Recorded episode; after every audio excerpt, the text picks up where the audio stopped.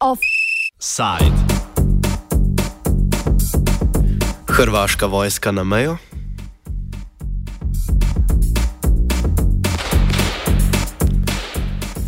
Z odločitvijo več evropskih držav, med drugim tudi Slovenije, da naj pri rešitvi begunske krize s policijskimi pooblastili pomaga vojska, se spogleduje tudi Hrvaška. Vlada Tima Oreškoviča namerava spremeniti zakon o nadzoru državnih meja, ki bi vojski za nadzorovanje toka beguncev podelil policijska pooblastila. Dodajmo, da predlog zakona vojski ne podeljuje pooblastil za humanitarno pomoč, saj te naloge vojska upravlja že sedaj. Več o sodelovanju vojske pri aktualni humanitarni krizi in vladni nameri Gordon Bosanac iz Centra za mirovne studije v Zagrebu. Znači, do sada je vojska se bavila samo humanitarnim aspektom krize u smislu da je pomogla E, dizanju kampova za izbjeglice i nešto malo je pomagala i u nabavi deka i kreveta. Znači čisto je bio humanitarni e, aspekt vojnog djelovanja. Ono što sada se planira je potpuno nejasno, znači samo je došlo do najave preko noći, ja bih rekao da bi vojska trebala doći na granice, ali što će one raditi na granice, s kojim ovlastima, u kojoj mjeri, to je potpuno nejasno u ovom trenutku.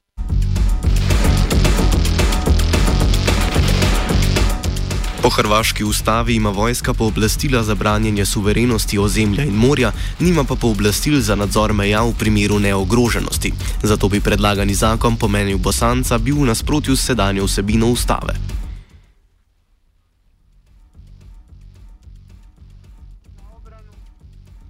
Ustav je tu vrlo jasan. Ustav kaže da je vojska zadužena za obranu integriteta e, i, nacio, i suvereniteta Republike Hrvatske i mi tu vidimo najbolju priliku da probamo se odupreti ovoj ideji oslanja vojske na granice, jer će zakonodavac trebati dokazati da su ljudi koji bježe pred ratovima na neki način da žele okupirati Hrvatsku, da žele ugroziti njezin suverenitet. E sad, budući da izbjeglice prolaze Hrvatskom već zadnjih šest mjeseci skoro, mi nismo vidjeli niti jedan dokaz da izbjeglice na bilo koji način pokušavaju ugroziti hrvatski suverenitet i zato mislimo da je ta ideja protuustavna. Velja omeniti, da glavni argument hrvaške vlade za napotitev vojske na mejo niti ni varnostno vprašanje, ampak preplavanje z evropskim tokom, da torej sledi zgledom evropskih držav, kot sta naprimer Mačarska in Slovenija. E, argument vlade je za sada samo taj da vide da to rade sve druge države na balkanskoj ruti. Nažalost, tu se referiraju i na Sloveniju, ali i na Srbiju odnedavno i Austriju, te kažu ako rade to drugi, moramo učiniti to i mi. I mi upravo problematiziramo tu vrstu argumentacije jer mislimo da je Hrvatska u drugčoj poziciji možda i od Slovenije, i od Austrije, i od Srbije iz jednostavnog razloga što je Hrvatska prošla direktno ratno iskustvo, što smo imali situaciju da je na našem teritoriju živjelo gotovo milion izbjeglica u jednom trenutku i postavljamo pitanje što nam se kao zemlji desilo da smo od zemlje koja je prihvaćala izbjeglice i živjela s izbjeglicama prije 20 godina se pretvorili u zemlju koja želi e, izaći ispred izbjeglica sa vojnim snagama. Čeprav drži, da sta tako sedanja kot prejšnja hrvaška vlada bili zadržani do ideje o nastanitvi beguncev, je med njima kljub temu opazna razlika, saj je prejšnja vlada takšno politiko sicer dopuščala, ampak jo je prepustila nevladnim organizacijam. Razloži Goran Božičevič iz centra Miramida v Istri.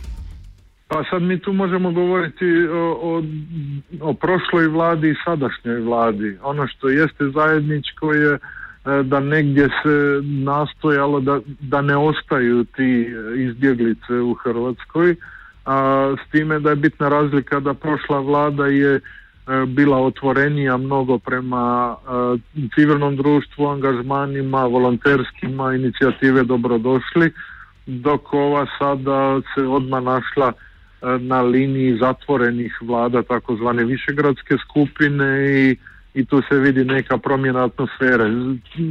Čim se promijenila vlada, a istog dana tako reći su prestale detaljne informacije o broju izbjeglica, naprosto su skinuti podaci sa web sajta i to nisu dobri znakovi. Stališče vlade do nadzorovanja državnih meja pa je še vedno v fazi izoblikovanja, saj v tem trenutku ni jasno niti, ali vlada namerava dejansko poslati vojsko na mejo. Bosanac. To je isto neizvjesno, u ovom trenutku to nitko ne može reći. Čak imamo i kontradiktorne izjave danas tokom dana. Naš ministar unutarnjih poslova novi je rekao da ne treba niti vojska, niti žica na ogradama druge strane predsjednica Republike koja je i vrhovna zapovjednica oružanih snaga govori o tome da vojska treba izaći što prije na granice pa pretpostavljamo time stavljati i ogradu. Mi se samo nadamo da većina hrvatskih građana i dalje se protiv ideji ograde i žice. Prije nekoliko mjeseci 65% ljudi bilo je protiv ograde i žice E, i očekujemo da će ljudi biti ustrajani da se odupiru toj suludoj ideji ograđivanja Hrvatske u žicu. Jasno ni tudi, ali bodo policijska pooblastila vojske omejena samo na mejni nadzor ali bodo veljala tudi v širšem družbenem kontekstu. To nažalost za sada nije jasno, jer kao što sam rekao, e, oni su sada tek izašli sa idejom da bi policija trebala na granicu a nikakav prijedlog zakona nije predstavljen javnosti. E, iz onog malog što smo mogli čuti od različitih političara, mada su to dosta kontradiktorne informacije, govori se samo o aktivnosti vojske na granici. Što ne mora ništa značiti, jer kao što sam rekao, premalo informacija i previše kontradiktornih poruka u ovom trenutku u javnom prostoru. Zgodba se ponovi pri vprašanju, kakšna pooblastila naj bi vojska dejansko imela na meji in če bo tam oborožena. E, za sada je to nejasno. E, govori se o tome da ne bi, do, neki prijedlozi idu da ona neće imati ovlasti oruž, ono, ispucavanja metaka i korištena oružja, ali nikad se ne zna.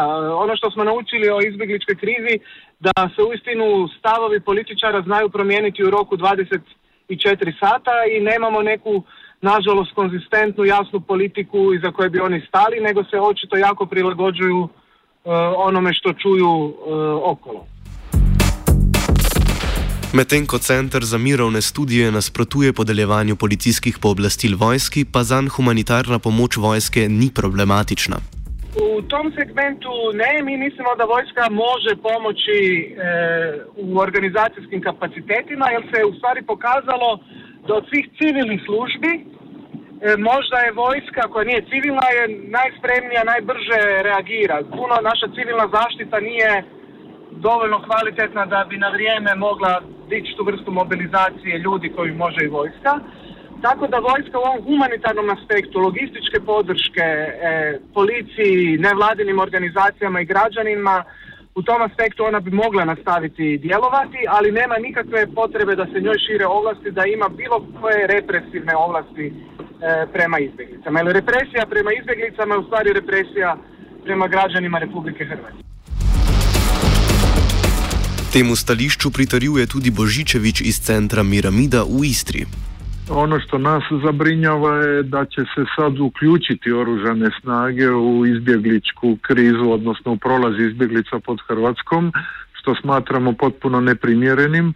Ako se već radi o bilo kakvim sigurnosnim pitanjima, to isključuju od domena policije i uključivanje vojske u Hrvatskoj ne vidimo da doprinosi ičemu. Nama je i dalje prijetnja e, rat kao takav, dakle treba ratove rješavati prijetnje jesu terorističke skupine, a njima se treba baviti policija, a ne vojska i ne mislimo da Hrvatska išta može dobiti osim možda podizanja mil, stanja militarizacije u društvu ukoliko bi se vojska uključivala.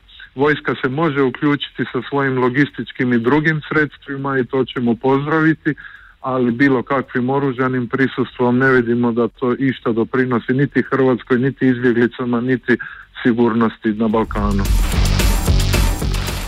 Offside zaključujemo z napovedjo Centra za mirovne studije, da si bo v primeru realizacije zakona slednjega prizadeval spotokopavati tako s pravnimi sredstvi kot z direktnimi akcijami.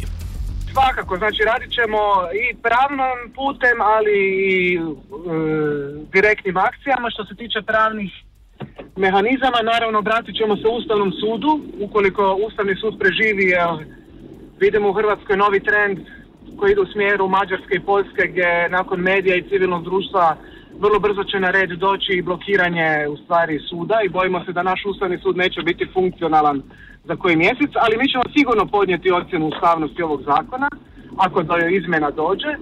A druga stvar je da ćemo pozivati građane na direktne akcije i pred ministarstvom obrane, ali vrlo vjerojatno i na granicama da se odupremo militarizaciji Hrvatske. Offside je pripravil vajenec Klemen.